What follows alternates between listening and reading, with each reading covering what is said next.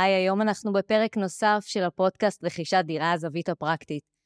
והיום אני נמצאת פה עם uh, מתכננת ומעצבת פנים, עדי זילברברג. רכישת דירה, זווית הפרקטית, כל מה שאתם צריכים לדעת על רכישת דירה, עם עורכת הדין מירי יעקב גביש. היי עדי. היי מירי. מה שלומך? מהמם. תודה שהגעת, איזה כיף. אני הזמנתי אותך היום, כי באמת היו לנו הרבה פרקים כבר של uh, הפודקאסט רכישת דירה, ועדיין לא דיברנו על כל הקטע של העיצוב פנים, שזה משהו שהוא מאוד מרכזי, התכנון של הדירה. אנחנו היום נתמקד יותר ב, בדירות שקונים למגורים. אוקיי. Okay. וגם דירות חדשות וגם uh, דירות uh, יד שנייה. ו, ובעצם נדבר על הדברים החשובים, הדגשים החשובים, איזה, איזה הבדל זה עושה כש, כשבעצם עושים, אה, מעצבים את, הבית, ו, ולמה צריך את זה בכלל. זה לא רק עיצוב, זה גם אה, הרבה תכנון. זה עוד הרבה לפני שזה עיצוב, שאנחנו בוחרים את החומרים או שאנחנו מחליטים על צבעים, זה תכנון נכון. אה, זה בעיקר תפקידה של מעצבת פנים. את יודעת, לא מעט פעמים מתבלבלים בין home styling לעיצוב פנים. ומעצבת פנים היא לא רק home סטייליסטית, היא לא רק באה ומוכרת לך את החומרים ואת הצבעים, העיקר שזה יהיה יפה, זה לא דקורציה. התכנון זה המהות של העיצוב פנים, התכנון הנכון, הזרימה, האנרגיה, ה, אה, לחסוך ב... אה, בכמות הנקודות חשמל, בלדעת איפה כל דבר יושב, בלתכנן נכון את המיזוג, בלתכנן נכון את התאורה, ולתכנן נכון את המרחב אה, מחיה שלנו, זה העיצוב פנים. כל השאר זה אקסטרות. זה, זה עושה את כל ההבדל. בעצם סטיילינג, שאת אומרת, זה לבחור את הספה, את הכריות, להתאים את הווילונות. זה הבונוס. זה, כן, זה, זה הקוסמטיקה הקטנה של הסטיילינג, שעושים את זה גם אה, במסגרת העיצוב הפנים. אבל הדברים החשובים, זה כמו שאת אומרת, באמת... אה, לדעת ולתכנן, לדעת שאני רוצה אה, פה טלוויזיה, או, ש, או שאני רוצה פה במטבח, שיהיה לי את כל, ה, את כל המכשור, אה, ו, ואת ה Magimix ואת הכל, ו, ולא פתאום להיתקל במצב שרגע, אבל אין לי מספיק נקודות חשמל. בדיוק. זה לתכנן נכון, אה, עוד משלב המדע. שאנחנו חושבים איך אנחנו בעצם רוצים, מה אנחנו רוצים, מה הצרכים שלנו שאנחנו רוצים שיהיו לנו במטבח, מה הרצונות שלנו, אה, מה הפרקטיקה, להבין מה אנחנו אה, מה, מה הכל כולל, ואז בהתאם לזה אנחנו מתכננים את התשתיות של הבית. כן, זה דברים שמאוד מאוד חשובים בתכנון, אה, על מנת כדי שאנחנו נוכל לחסוך את הכסף הזה בעתיד. כדי שאחר כך לא, לא, לא, לא, לא, לא נגיד, אוי, למה לא עשיתי, אוי, למה לא חשבתי. ואז זה גם הרבה יותר מסובך. בוודאי. כי צריך להתחיל אחר כך, על, על מה שקיים, להתחיל לעשות שינויים, ולא תמיד אפשר. ואז עושים טלאי על טלאי על טלאי, נכון, תראי, אני מסתכלת על כל תכנון, בסופו של דבר, אה, אה, זה ספר הוראות.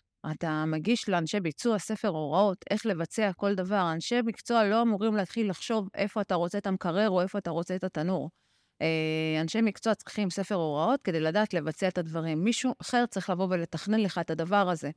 זה כמו, את יודעת, זה כמו ללכת ל... אה, לרופא, אתה, אני, אני אסביר מהמקום הזה של כאילו, אנשים קונים בית פעם אחת בחיים שלהם, פעמיים בחיים שלהם. שמים את מלוא כספם, חסכתם שקל בשקל. אני לא יכולה להבין איך אפשר אה, אה, אה, לתכנן את הדבר הזה בלי לקחת את המנצח שינצח על התזמורת של כל אנשי המקצוע שאמורים לפקוד על, ה, על הפרויקט חייך.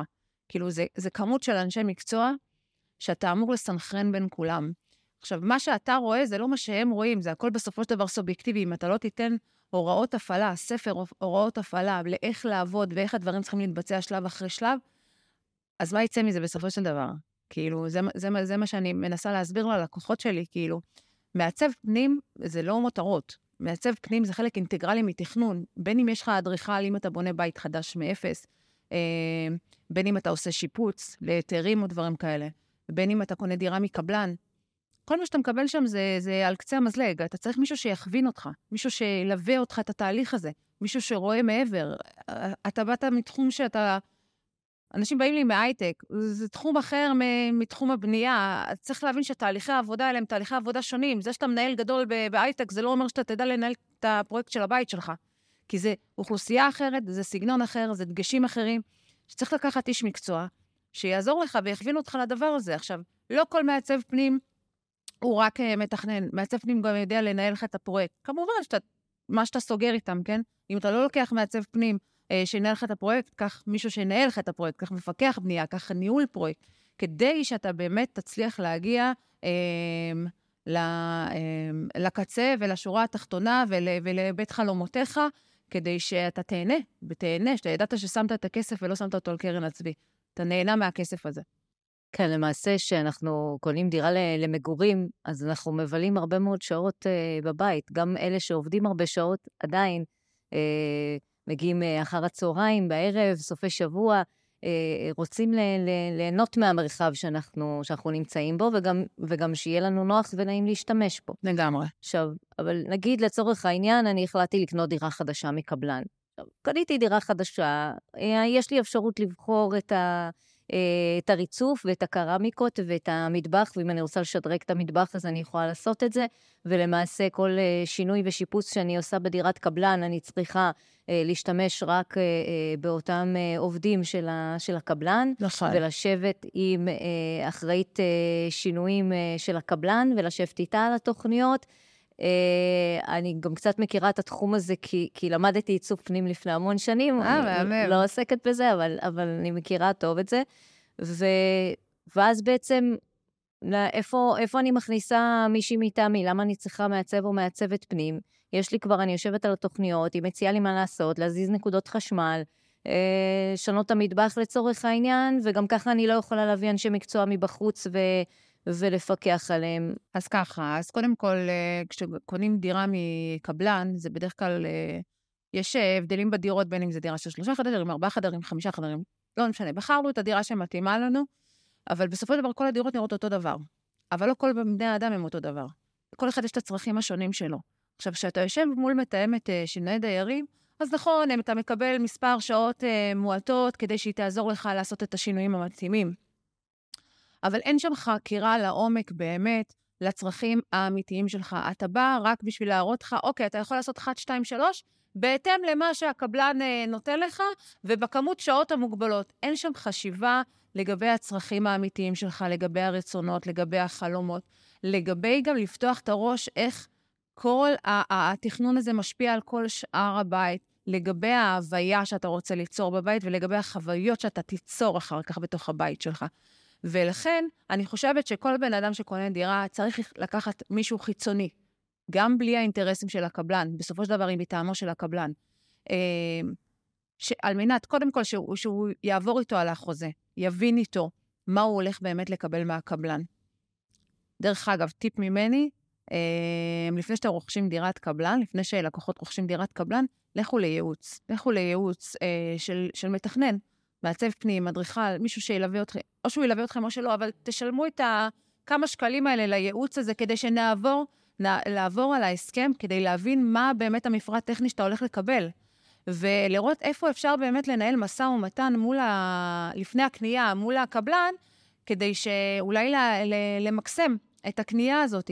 כי, דוגמה, פרויקט שנמכר ביוקנעם של איזשהו קבלן מאוד גדול, פרויקט שנחשב יוקרתי, עברתי על מפרט קבלן של, אה, של לקוחות, וראיתי שהוא נותן דברים אה, סטנדרט. עכשיו, מפרט הכי יוקרתי, אתה מציג את זה כפרויקט הכי יוקרתי שלך ביוקנעם, ובסוף אתה נותן מפרט של קבלן של סטנדרט, כאילו, מה ההבדל בינך לבין קבלן אחר שמוכר לי דיור למשתכן? אז באתי והדגשתי ללקוח, אמרתי לו, אוקיי, אם שילמת סכום אה, לא מבוטל על הבית הזה, אתה יכול לדרוש גם לפחות את המינימום שהיום כבר הולך בשוק. היום זה כבר לא 80 על 80, אתה כבר יכול לדרוש את הערכים של המטר על מטר, או אפילו 120 על 120, שגם יבואו ויגידו לך, אוקיי, אם אני רוצה לשדרג ל-120 על 120, כמה יעלה לי העלות הזאת? אני רוצה לדעת את המחירים מראש. אני לא רוצה להגיע למצב שאני אה, בוחרת או משדרגת, ואני לא יודעת כמה העלות בנייה כן. שתהיה לי. יכול להיות שזה אחר כך יקפיץ את מחיר הדירה בצורה משמעותית. זה לא יכול להיות, זה בטוח. כן. וזה דברים שחשובים לשים אותם עוד בהסכם. בואו תיתנו לי את הטבלה של כמה יעלה לי כל שדרוג וכמה יעלה לי כל הזזה, על מנת שאני אחר כך לא אגיע ואקבל סכום מאוד גדול של שינויים שלא לקחתי אותו בחשבון. לפעמים אני גם מייעצת ללקוחות. אם, אתה, אם אני רואה שזה, אה, הם קיבלו אה, מחירים מאוד גבוהים לשדרוג, הרי הכל זה הולך לפי מחירון דקל, ו... אה, אז אני לפעמים אומרת להם, קחו את הדירה ככה, as is, אל תשדרגו, אל תעשו כלום, אחרי שתקבלו טופס 4, אנחנו נעשה את זה מחדש, ונעשה את זה גם כמו שצריך עם האנשי מקצוע, כדי שגם הפינישים יהיו כמו שצריך. שזה רעיון טוב, דרך אגב, כי הרבה פעמים אנחנו כבולים רק ל... זה לא הרבה פעמים, אנחנו תמיד כבולים לאנשי מקצוע של הקבלן. נכון. ולמחירים שלו ול... ולדברים שלו. נכון. ולקצב העבודה שלו, ואין לנו באמת uh, say uh, מה, מה יהיה, ו... ואי אפשר להעמיד בן אדם uh, משלנו ו... ובעצם להגיד, לא, לא, את זה אל תעשה ככה ואת זה תעשה ככה. אין לנו שליטה, ויכול להיות שבאמת הוא הביא איזה שהם... Uh, אה, פועלים שהם אה, עובדים פחות בסטנדרט שאנחנו רוצים ומצפים. לגמרי. אז, אז זה, זה גם... גם... אה, זה גם, לדעתי, לפעמים זה יותר משתלם גם מבחינת uh, כסף וגם מבחינת זמן. Uh, כי אנחנו, על כל שינוי שאנחנו עושים בדירת קבלן, אז uh, בגלל שעשינו את השינוי הזה, אז בחוזה יש להם אפשרות להאריך לך את המסירה. נכון. בעצם לדחות לך את המסירה בעוד... Uh, זה. לא משנה שהם אף פעם לא עומדים ביעד של המסירה, אבל לדחות את זה עוד יותר. וכשאתה בעצם לא משדרג שום דבר, אתה אומר להם, אני רוצה את הדירה as is, לא אכפת לי מה תשימו לי, תשימו לי תשתיות מינימליות. אני לא זה, אני לוקח את הדירה. בזמן הזה שעד שאני מקבל את הדירה, אנחנו כבר עובדים על התכנון ועובדים על הכל ומוציאים את הסט תוכניות. ברגע שקיבלתי את הדירה, אתה מכניס איש מקצוע, אתה בכמה חודשים מסיים את הדירה הרבה יותר מהר, וברמה הרבה יותר גבוהה, ובעלות יותר נמוכה ממה שיעלה לך כשאתה אה, תבנה את זה בשדרוג. אבל צריך לקחת בחשבון גם למשל, אה, הרי יש דברים שצריך לעשות אותם עוד בשלב של, ה, של הבנייה, עוד לפני שמקבלים את הדירה. לצורך העניין, קניתי את הדירה אה, כשהבניין עדיין ב, במצב שהוא של שלד, נכון. אה, ועדיין אה, אין קירות, ו, ואני רוצה לעשות שינויים. שינויים בקירות, זה דברים שאי אפשר לעשות אותם אחר כך, וגם יש דברים שכן אפשר לעשות, יש קירות שכן אפשר להזיז, יש קירות שאי אפשר להזיז. אה, כאלה של מקלחת שירותים, שלפעמים עוברת צנרת בכל הבניין. אז בגלל זה גם חשוב הייעוץ הראשוני אה, מראש, גם עוד לפני שקונים את הדירה, כי יכול להיות ש, שאצלי בראש, אני, יש לי כל מיני תכנונים לגבי הדירה, ואולי אי אפשר לעשות אותם בדירה הזאת. אני נתקלתי גם אה, אה, בתוכניות של דירות, אה, אנשים גם לפעמים מתייעצים איתי, גם בשלבים המוקדמים, לפני שהם קונים דירה, ואני נתקלתי במצבים של דירות שיש להם קירות ב-45 מעלות, שיש להם uh, כל מיני דברים מוזרים ואילוצים ש- שעשו שם, שאחר כך uh, השימוש, uh, זה פוגע מאוד בשימוש הלאה בדירה. ו... או, או למשל גודל של חדר, אולי בן אדם מתכנן כאילו ש... שיהיה לו חדר מאוד גדול, או שהוא רוצה סלון מאוד גדול. לפעמים רוצים סלון מאוד גדול, ולא אכפת שיהיה חדר שהוא יהיה יותר קטן, כי לצורך העניין אני צריכה אותו לחדר עבודה, אבל לא צריך שיהיה כל כך גדול. אז זה דברים שצריך לעשות אותם עוד לפני שמקבלים את הדירה. זה נכון. כי אי אפשר אחר כך, גם הנקודות חשמל, לתכנן אותם כן מראש, כי אחר כך להתחיל לחצוב בקירות, זה, זה... תראי, זה מאוד תלוי בלקוח. אם יש לך אורך נשימה ויש לך את הזמן הזה ויש לך איפה לגור אחר כך, אתה לא חייב לעבור לדירה מיד אה, בתום, אה, אה, בקבלת טופס 4, אחלה. אם יש לך את האורך נשימה, אתה יכול לעשות את זה גם אחרי. אבל אם באמת אתה לחוץ בזמן, ואתה גר בשכירות, ואתה צריך לפנות את הדירה, ואתה רוצה לקבל את הדירה, ואין לך את הכוח הזה לחכות שלוש שנים לקבל את הדירה, ואז עוד חצי שנה אה, לפחות לשיפוץ, עד שאני נכנס לתוך הבית החדש והכול, אז כן, אז תעשה את זה בשלב של, ה, של, ה, ש, של הרכישה של הדירה. אבל באמת, כמו שאת אומרת, וכמו שציינו, תיקח ייעוץ לפני כן, תעברו על החוזה לפני כן. יש את העורך דין שעובר על החוזה מבית משפטי, ויש את המתכנן, מעצב, אדריכל, שעובר על ההסכם מבית מקצועי. מה אני הולך לקבל מהקבלן, איפה אני יכול ללחוץ, האם כמות הנקודות שהקבלן נותן לי באמת תואמת לגודל הדירה, האם זה, זה נורמלי. דירה, אה, לקבל 70 נקודות, סתם לדוגמה, נותנים 70 נקודות אה, חשמל, ובסוף זה מדובר על בית של 220 נקודות. בואו, זה לא פרופורציונלי היום. כן. בסדר? אז זה דברים שנכון, אפשר לבדוק אותם לפני כן, ואם יש אפשרות להתמקח על הדברים האלה במשא ומתן, כי בסוף בחיים שלנו זה משא ומתן. נכון, נכון. אה, אז עדיף באמת להציג אותם לפני.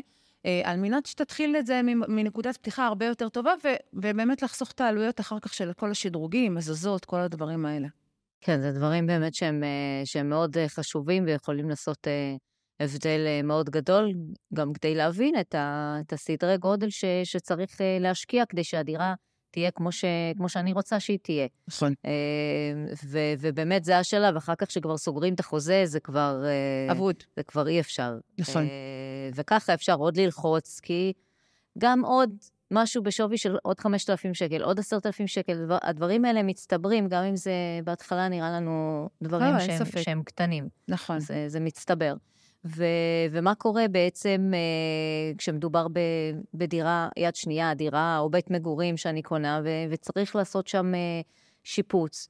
אז גם, גם בשלב הזה את ממליצה, עוד לפני שחותמים על החוזה וקונים את הדירה, אה, כדאי אה, לקבל אה, ייעוץ, לראות אם, אם הדירה מתאימה, אם אפשר אה, לעשות בוודאי, מה... בוודאי, בוודאי. אה, במיוחד בבתים שהם יד שנייה, אה, בתים של אה, 20 שנה, 30 שנה, 50 שנה, או שאנחנו קנינו אותם מאיזשהו קבלן שבנה אותם, זה בדרך כלל פרויקטים, או שבאמת אנשים שבנו באופן פרטי. תראי, איכות הבנייה בדרך כלל לבתים שבנים באופן פרטי היא קצת יותר טובה מאיכות הבנייה של אה, קבלנים, בלי לפגוע בשום קבלן, כן? אבל, אה, אה, אבל מה שכן עדיף לעשות זה אה, לקחת איזשהו איש מקצוע שעושה בדק. ממש להזמין איש מקצוע שעושה בדק בית, נותן ממש אה, ריג'קטים לבית, אה, כדי לבדוק נזילות, איתומים, אה, אה, חשמל, מה הגודל של ה...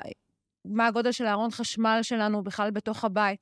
אם אנחנו צריכים להוסיף, אנחנו צריכים, אנחנו יכולים לשדרג, או שאנחנו בכלל נצטרך לעשות משהו חדש. מה איכות האינסטלציה? איזה כן. מערכות אינסטלציה עוברות בתוך הבית? על מנת שאנחנו נוכל באמת להבין, עוד מלכתחילה, אה, אה, מה, מה, מה, מה כמות ההשקעה שאנחנו צריכים לעשות בכלל בלי לדבר בכלל על תכנון ועל הכל, על, ה, על התשתיות. בסדר? מה האיכות של התשתיות שלנו בבית וכמה אנחנו צריכים להשקיע בשביל להחליף אותם. זה עוד נקודת התחלה, עוד בכלל, גג.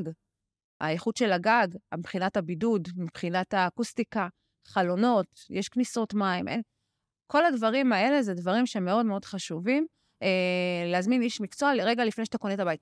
וזה גם עוזר לך למשא, עוד פעם, למשא ומתן. בעצם אם מישהו מבקש איקס מחיר על זה, אבל יש לי עוד כמות השקעה שאני צריך להשקיע על הבית, בלי בכלל שלקחתי עוד, לפני שהצבתי את הבית, לפני שתכנתי אותו שונה, ככה, as is, בשביל להיכנס לגור בו, והוא לא ראוי למגורים, אז אתה יכול לקחת את החלק הזה ו- ו- ולהגיד לו, אוקיי, תקשיב, אתה מבקש על הבית איקס כסף, והעלות של התיקונים של הבית עולים וואי כסף. זה או שאתה מתקן, או, שאני, או שאנחנו מורידים את זה מעלות המכירה, ואז יישאר לי הכסף לתיקונים של הבית. אחר כך אנחנו נכנסים לכל השלב הזה להתאמה של הבית, ולהבין את כל ה... אם יש היתרים, אין היתרים, מה רוצים לעשות. זה, אבל זה, זה לגמרי, א', ב'. נכון. אסור להתפשר על אנשי המקצוע, את זה אני תמיד אומרת. לקחת את אנשי המקצוע אה, מבחינת שמאי, מבחינת אה, בדק בית, מבחינת... אה, אה, אה, לגבי עורך דין, כל, כל דבר, כל איש מקצוע שצריך ללוות, לעשות רשימה מסודרת של כל אנשי המקצוע ש, שצריך, ולא להתפשר, במיוחד שמדובר בדירה יד שנייה, כי אנחנו לא יודעים למה אנחנו נכנסים. היום למשל, יש אה, הקירות מכוסים בארונות קיר. ואני לא יודעת מה יש מאחורה, ואני לא יודעת, אולי אני אחר כך מפרקת ועושה שיפוץ והכל רטיבות. אולי, אה, אולי יש צרות אחרות. נכון. אולי הארון חשמל, אני נתקלתי כאילו במצבים של דירות ישנות בעיקר, שעשו שם בארון חשמל דברים שלפעמים הם אפילו לא תקניים ומסוכנים, לא ואין הערקה, ו- והחשמל אה, יקפוץ לי, אה, אם אני אדליק אה, דוד ו- ומזגן, אז יקפוץ לי החשמל, וזה דברים שלא רואים אותם בעין ולא יודעים אותם, עד שלא מביאים איש מקצוע שיבדוק ויסתכל ויראה. לפעמים זה אפילו יכול להגיע עד כדי כאילו סכנה... סכנת חיים. סכנת חיים, כן. בוודאי, בוודאי. כן. זה אחת המנטרות שלי, שאני חוזרת עליה לא מעט פעמים, לא חוסכים בהון האנושי. ההון האנושי זה מי, שיפק... מי שיגרום לבית שלך לראות מיליון דולר, מי שידאג לזה שהבית שלך יהיה תקני, שתוכל לגור בו לאורך שנים, ולא כל יומיים תצטרך לעשות uh, פלסטרים ב- בכל מקום.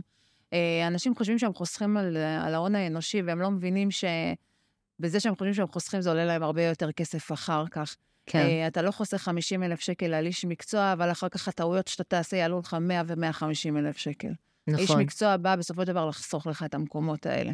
כן, אה, הרבה פעמים אנשים, זה אה, נכון מה שאת אומרת, שהם חוסכים באיש המקצוע, אומרים מה... חושבים שהם חוסכים כן, באיש המקצוע. כן, אני עכשיו, אה, כן, אשלם כמה אלפי שקלים למישהו שיבוא ו- ויבדוק לי את הדירה, רוצים, רוצים לחסוך את הכסף הזה ומעדיפים הרבה פעמים להשקיע יותר במטבח, ולהשקיע יותר בקרמיקה ובאמבטיה, מאשר, מאשר להשקיע בדברים האלה הבסיסיים והחשובים, במיוחד שהיום אה, מתייחסים גם הרבה לקטע של האנרגיה והקטע של, של החשמל והחיסכון, וגם יש כל כך הרבה מכשירי חשמל וכל כך הרבה דברים שצורכים. אז, אז גם זה דברים שצריך להתייחס אליהם. את יודעת, אם את מגבילה את זה לאנשי מקצוע אחרים בתחום, אם את הולכת לרופא, את לא מאבחנת לעצמך את המחלה, את משלמת לא מעט כסף לשעה לרופא מומחה כדי שיאבחן לך את המחלה. אתה לא נכנס לגוגל ומאבחן לעצמך לפי תסמינים, נכון? אתה לא הולך ומייצג את עצמך מול אה, בית משפט לבד בלי עורך דין. מה אתה מבין בדברים האלה? למה אתה חושב שבבנייה אתה מבין? זה נראה כאילו על הדרך? אני, זה, זה דברים שאני לא מצליחה להבין בתפיס, בתפיסה. וזה, את יודעת, זה, זה מקומם. אבל מצד שני, אני גם אומרת, עדי תשחררי, זה לא שלך. אנשים רוצים לעשות טעויות, יעשו טעויות. כאילו, אם אתם לא יודעים להעריך את העבודה של האיש מקצוע, את המקצועיות של האיש מקצוע, אז מה זה יעזור? אתם תלמדו, מסוג האנשים כן. שילמדו משכרם. נכון, זה כמו שאני לא אתקן את האוטו לבד. גם נכון, אם אני אותו דבר. אעשה איזשהו קורס מכונות, אני גם לא אתקן את האוטו לבד, ואני אצטרך מישהו ש... שיעשה את זה, אז חשוב גם לבחור את אנשי המקצוע הנכונים.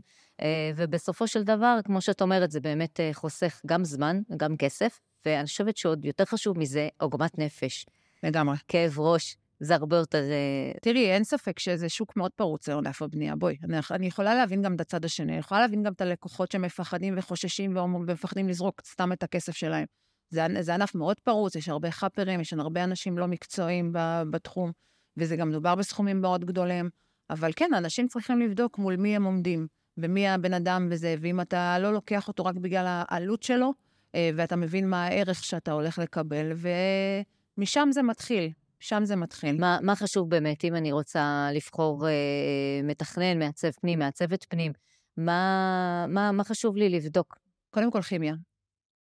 בעיניי כימיה זה המפתח להכל. בסופו של דבר זו מערכת יחסים שאנחנו הולכים, אה, אנחנו הולכים איתה לתקופה מסוימת. אם זה שיפוץ, זה יכול לקחת שנה, עד שמקבלים היתרים, עד שזה, אם אנחנו מדברים בעצם על שיפוץ עם אה, תוספות בנייה. אם זה שיפוץ אה, פחות, בלי תוספות בנייה, אז זה משהו כמו בין שמונה חודשים לשנה. היתרים זה יכול, אמרתי, זה בין שנה לשנה וחצי, אז זה מערכת יחסים לכל דבר. אם אנחנו רוכשים דירת קבלן, אנחנו בתקופה של כמעט שלוש שנים מלווים את הלקוח, מהרגע שהוא חתם על הניירות עד שהוא נכנס לתוך הבית. בנייה של בית חדש, תלוי באיזה שלב אנחנו נכנסים, ואנחנו מדברים על תקופה לא מבוטלת. ולאורך זמן אנחנו צריכים להסתדר אחד עם השני. זה קצת uh, מערכת יחסים של יום-יום. Uh, אנחנו צריכים להבין אחד את השני, אנחנו צריכים לתקשר את זה, אנחנו צריכים להיות כנים אחד עם השני, אנחנו ממש בונים אותה. ואם אנחנו, אין לנו כימיה ואין לנו תקשורת טובה אחד, אה, אחד, עם, ה, אחד עם השני, או לזוגות אחד כלפי השני, או שהם לא מסכימים, זה משהו שאנחנו צריכים אה, ללכת בין הביצים כל הזמן. ובסופו של דבר אנחנו רוצים ליהנות מהתהליך, זה לא רק התוצאה הסופית. אתה רוצה שתיצור, ש, שתהיה לך חוויה טובה. ואני תמיד אומרת ללקוחות שלי, זה לא שאנחנו עכשיו מסתדרים והכול סבבה, זה השאלה מה קורה לנו כשאנחנו מגיעים לאיזשהו קונפליקט או חוסר הסכמה. איך אנחנו נתנהג אחד לשני. זה מה שחשוב. וקודם כל לסמוך. אם אתה לא סומך על האיש מקצוע שלך, אל תיקח כן, אותו. כן, נכון. כולם סובלים מזה.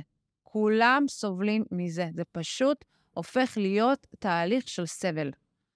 אז זה אחד. אז זה אחד, זה כימיה. חוץ מזה, כימיה. חוץ מזה, כמובן, תסתכל על תיק עבודות, תראה שאתה מתחבר לסגנון העיצובי, אה, תבדוק ניסיון.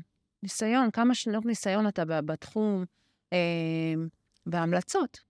אם אתה באמת, יש אנשים שיש להם אינטואיציה חזקה, מרגישים, לא צריכים שום דבר. אני אחת שכשאני מרגישה מישהו, לא צריכה המלצות ממנו, לא צריכה את התעודות שלו, לא מעניין אותי. אני רואה, מסתכלת בעיניים של בן אדם, ואני יודעת אם הוא מתאים לי או לא מתאים לי. יש אנשים שלא, שהם ספקנים יותר, חרדתיים יותר, אז תיקח המלצות. תקשיב, קח רשימה של המלצות. מעצב טוב, אדריכל טוב, יהיה לו מספיק אנשים לתת לך כדי uh, לשוחח איתם. ותקשיב, ותשאל את השאלות הנכונות.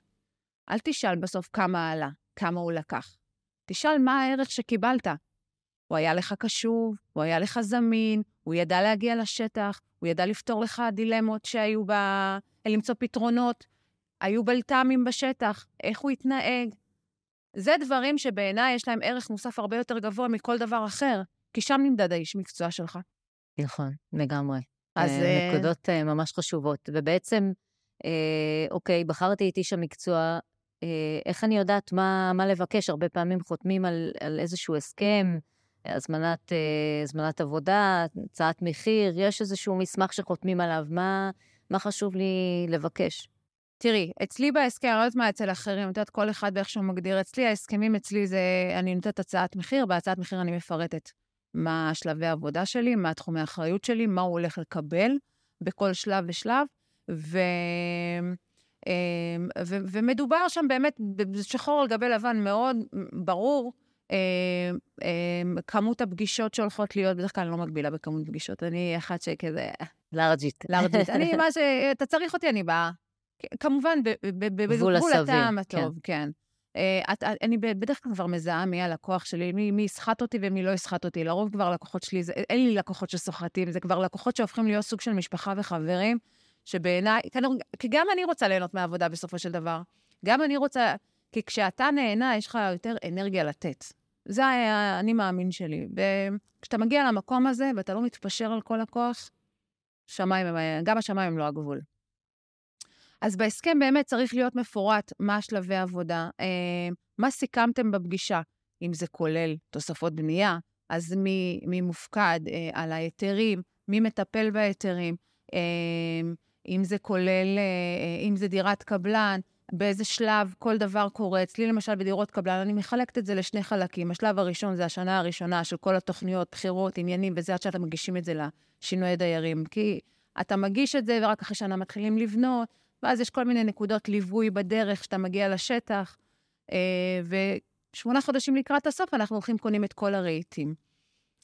אז זו נקודה אחת, למשל, בדירות קבלן. שאני מאוד מאוד מפרטת להם את השלבים, את הזמנים, את, ה... את הסדר העבודה. כשיש להם סדר עבודה, הם אה, יותר רגועים. הם לא מרגישים שהם באוויר. אה, וכנ"ל לגבי שיפוצים. תראי, שיפוצים יש גם הרבה, הרבה יותר בלת"מים. אה, אתה מגיע לשטח, פתחנו איזשהו חלון של 2.40, פתאום גילינו שיש לי עמוד באמצע. לכי תחשבי עכשיו מה, מה אנחנו עושים מהעמוד, איך אנחנו נעצב אותו מחדש. אז אני המון המון המון המון בשטח. אני מאוד אוהבת את השטח, ו... ואתה חי אותו, אז אתה, אתה, בסופו של דבר, אתה לא, מהשרטוט אתה לא לומד הרבה. כן. אתה יותר לומד מה...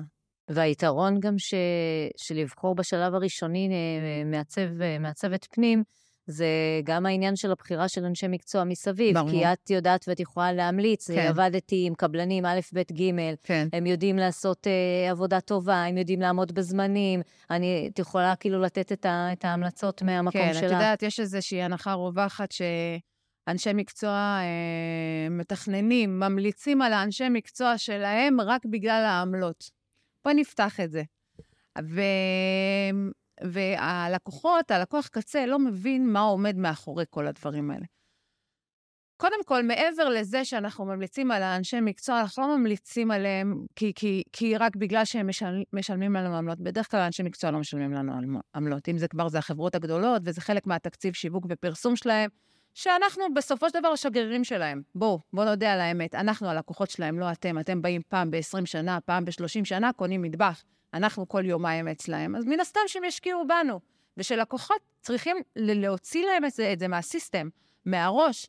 זה שלקחת מעצבת פנים, היא לא באה עכשיו אה, לגנוב אותך אה, על חשבון, ה, אה, חשבון הגב שלך. כאילו, זה משהו שאתה יודע, זה, כן, זה נורא רווח. בזה, כן, ואת רואה בקבוצות, אני נמצאת בכל מיני קבוצות, או אנשים שואלים כל מיני שאלות, ואתה, ואתה רואה תגובות של אנשים שהם כאילו לא מבינים כלום.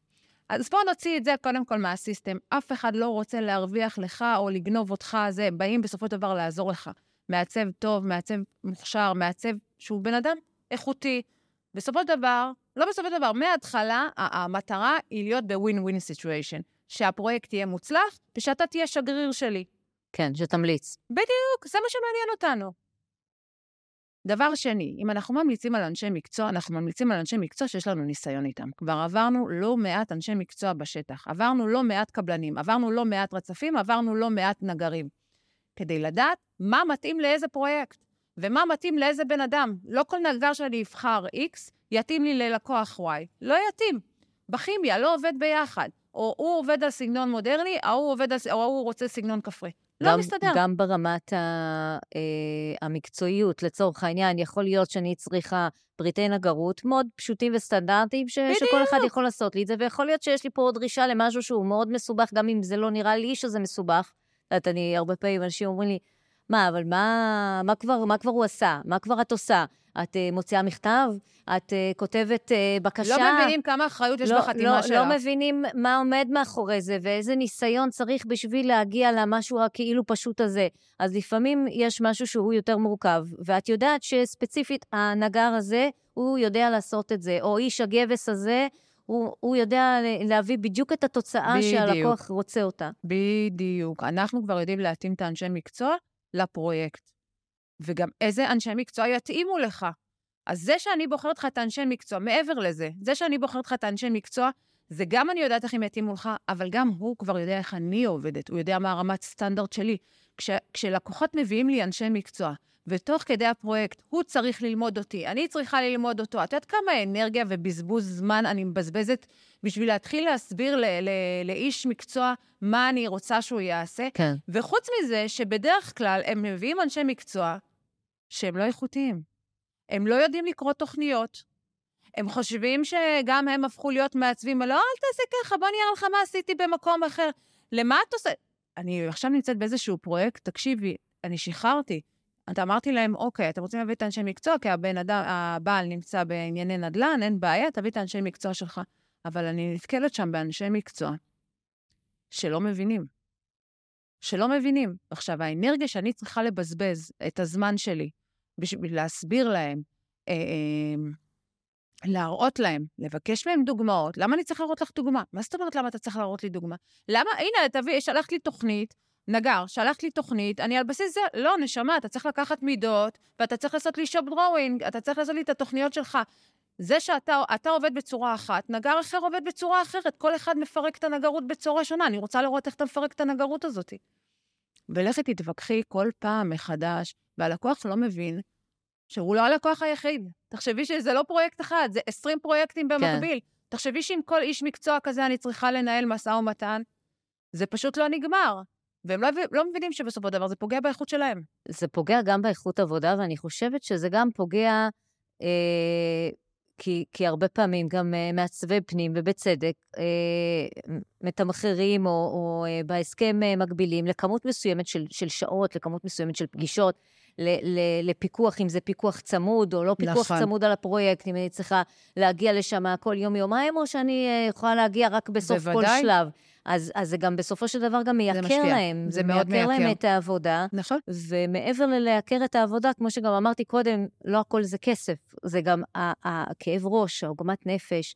אה, יש הרבה עצבים, לא סתם אומרים שהרבה פעמים בפרויקטים של שיפוץ וזה, זוגות אה, מתווכחים ולפעמים גם מסתכסכים בגלל, בגלל הדבר הזה. אפרופו עוד מקצוע שאנחנו לא מדברים עליו, שאנחנו חלק מהדבר הזה, שאנחנו פסיכולוגים לא מעט פעמים, ומגשרים לא מעט פעמים, ומכילים לא מעט פעמים, באמת את האינטראקציות בין בני הזוג, כי יוצאים שם כל מיני אה, משקעים, שלפעמים הם עצמם לא יודעים, ו... וזה גם אנרגיה. כן. זה אנרגיה עצומה שאת צריכה להשקיע במקום להתעסק במה שאת למדת, את מתעסקת בדברים אחרים. עכשיו, אני לא אומרת שאני לא נהנית מזה, אני מאוד אוהבת את זה. אני אישית מאוד אוהבת פסיכולוגיה. אני אישית מאוד אוהבת אנשים, אבל יש לקוחות, יש אה, מעצבים שזה לא מתאים להם. שפחות אתה צריך להכיל עוד דברים, כן. כן, אתה צריך להכיל עוד אנשים, אתה צריך להכיל את הילדים שלהם, אתה צריך להכיל את הדודות שלהם, אתה צריך להכיל את כל היועצים מסביב, שבאים ונותנים את דעתם האישית. כן. אני, אני רוצה גם לחזור איתך רגע לנקודה של, ה, של ההצעת אה, מחיר, ההסכם, כל אחד ו, ו, ואיך שהוא אה, מנסח את זה.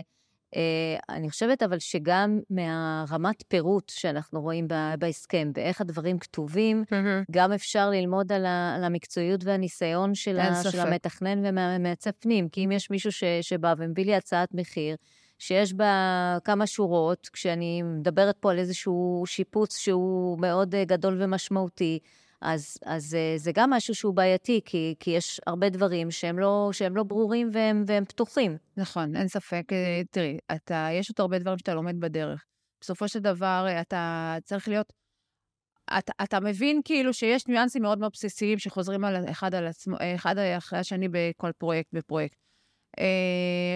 וצריך להדגיש מה השוני. נכון, צריך להדגיש מה השוני. ואין ספק שהסכם, איך שההסכם בנוי, ככה אתה יודע גם איך, ה... איך המעצב יעבוד. אה, בהקבלה לקבלן, קבלן שבא ונותן לך מחיר uh, בכללי, עוד לפני שהוא ראה תוכניות, עוד לפני שהוא ראה כתב כמויות, ואז דוחף לך אחר כך, אה, את זה לא לקחתי בחשבון, את זה לא לקחתי בחשבון, כל התוספות בנייה, לעומת קבלן שעובר על הדברים, גם אם אין לו כתב כמויות מהאדריכל, או שהאדריכל עדיין לא סיים את הכתב כמויות, כי יש גם לאנשים נטייה להביא קבלן עוד לפני שהם תכננו את הבית, שזה גם... Uh, כן. אבל אז, אז הוא עובר על הדברים, והוא מבין, והוא לוקח בחשבון את כל, ה, את כל הפרמטרים שאמורים להיות בשיפוץ, ואז לקוחות רואים פער.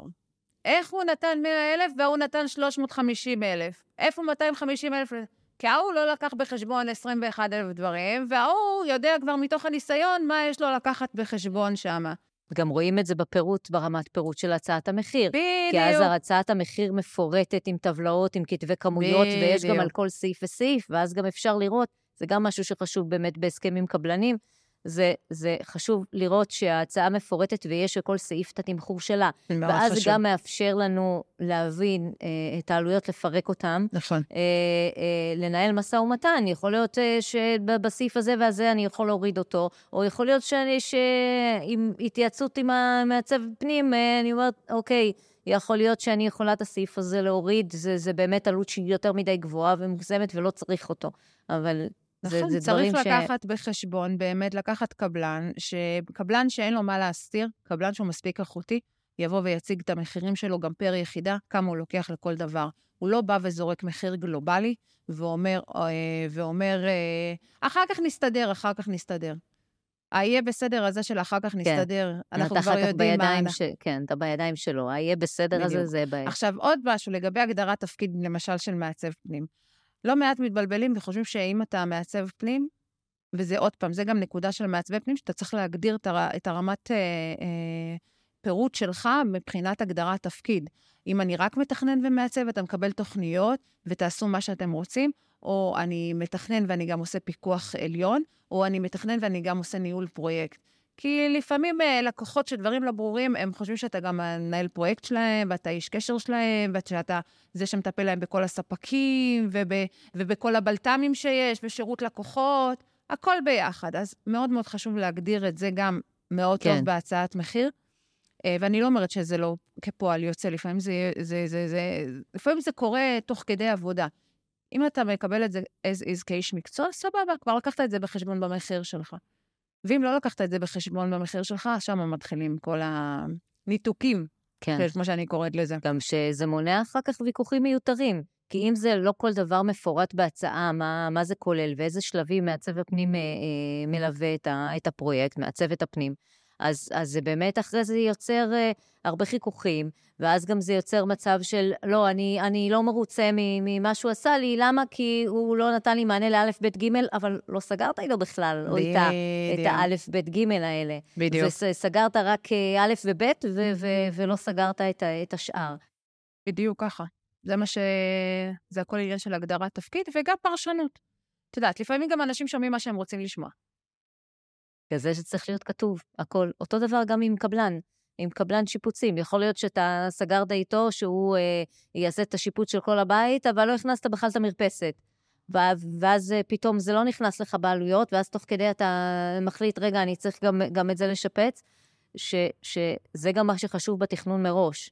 אפילו אם לוקחים אה, איזושהי פגישת ייעוץ עם, אה, עם מעצבת פנים ו, ומבינים מה, מה הגבולות גזרה ומה כדאי לסדר ומה הדברים שהם הכי קריטיים בשבילך, ושתוכל לקחת אותם בחשבון. יכול להיות שתגיד, טוב, זה לא הכרחי, אני לא חייב להחליף את המקלחת, סתם דוגמה. אבל, אבל בדברים אחרים אה, כן חשוב. תראי, מאוד חשוב אה, ההבדל בין שיפוץ לבית חדש שאתה קונה, אה, באמת ברכישת דירה. אה, אם אתה קונה מקבלן, או שאתה בונה בית חדש מאפס, אז אתה עושה הכל. אין מה לעשות, זה בית חדש, הכל קורה. אנחנו עושים הכל, בסדר? אנחנו בוחרים את האלומיניום, בוחרים את הדלתות, בוחרים את המטבח, בוחרים את הריצוף, חיפויים, הכל מחדש. הבעיה היא באמת בשיפוצים, שכשלקוח אה, בא ואומר, לא, אני לא רוצה להחליף את הדלתות, אני רוצה לעשות ריצוף. אבל אם אתה לא מחליף, אם אתה עושה ריצוף, אתה צריך להחליף את הדלתות, כי אחר כך אתה צריך לקצר את הדלתות. אה, אוקיי. ואז, אה, לא, אני לא רוצה להחליף את האינסטלציה, אני רוצה להחליף את הקרמיקה. אוקיי, אתה רוצה להשאיר את זה באותם מיקומים? לא, אני רוצה להוריד את האמבטיה. אוקיי, אז אתה צריך להחליף גם את האינסטלציה. יש פה הרבה הרבה דברים שהם לא לוקחים אותם בחשבון כשהם רוצים אה, לשפץ. ועכשיו, הוא יגיד לך, אין בעיה, אני לא רוצה לעשות את המרפסת. סבבה, אז בתכנון לא לקחת את המרפסת. אין בעיה, הגענו להסכמה, אפשר לעשות את זה גם בלי לעשות את המרפסת.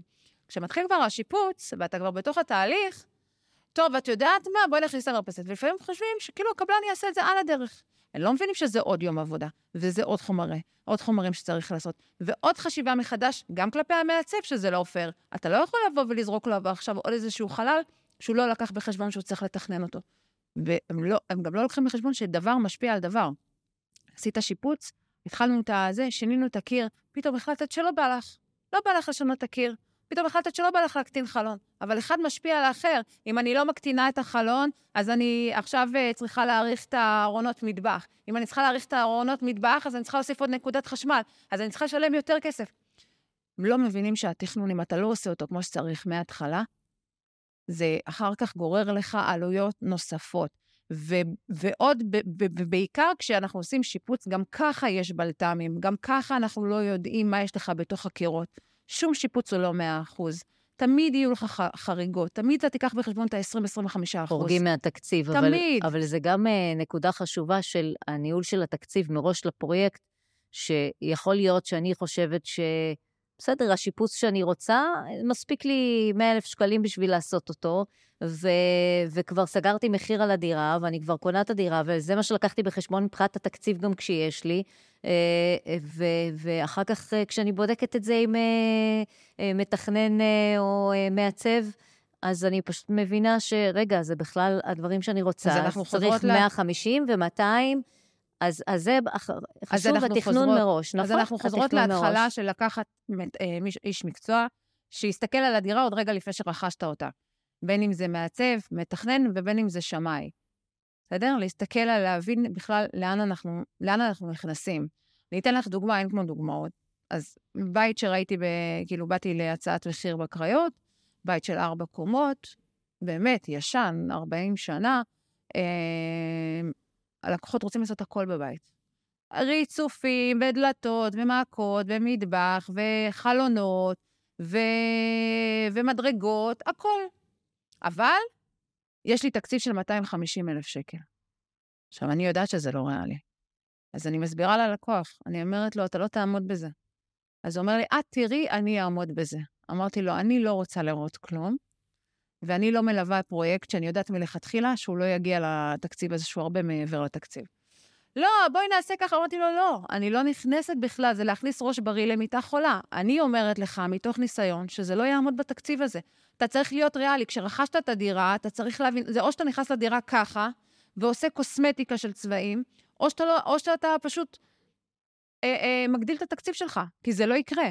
אתה, אה, אתה יודע מראש שאנשים אה, לא יעמדו בתקציב. ומה קורה? מי שלא סומך על האיש מקצוע, נכנס לתוך זה, ואז הם נתקעים עם חורים. ואז הבתים לא נגמרים, ואז אתה חי כל החיים שלך באתר בנייה.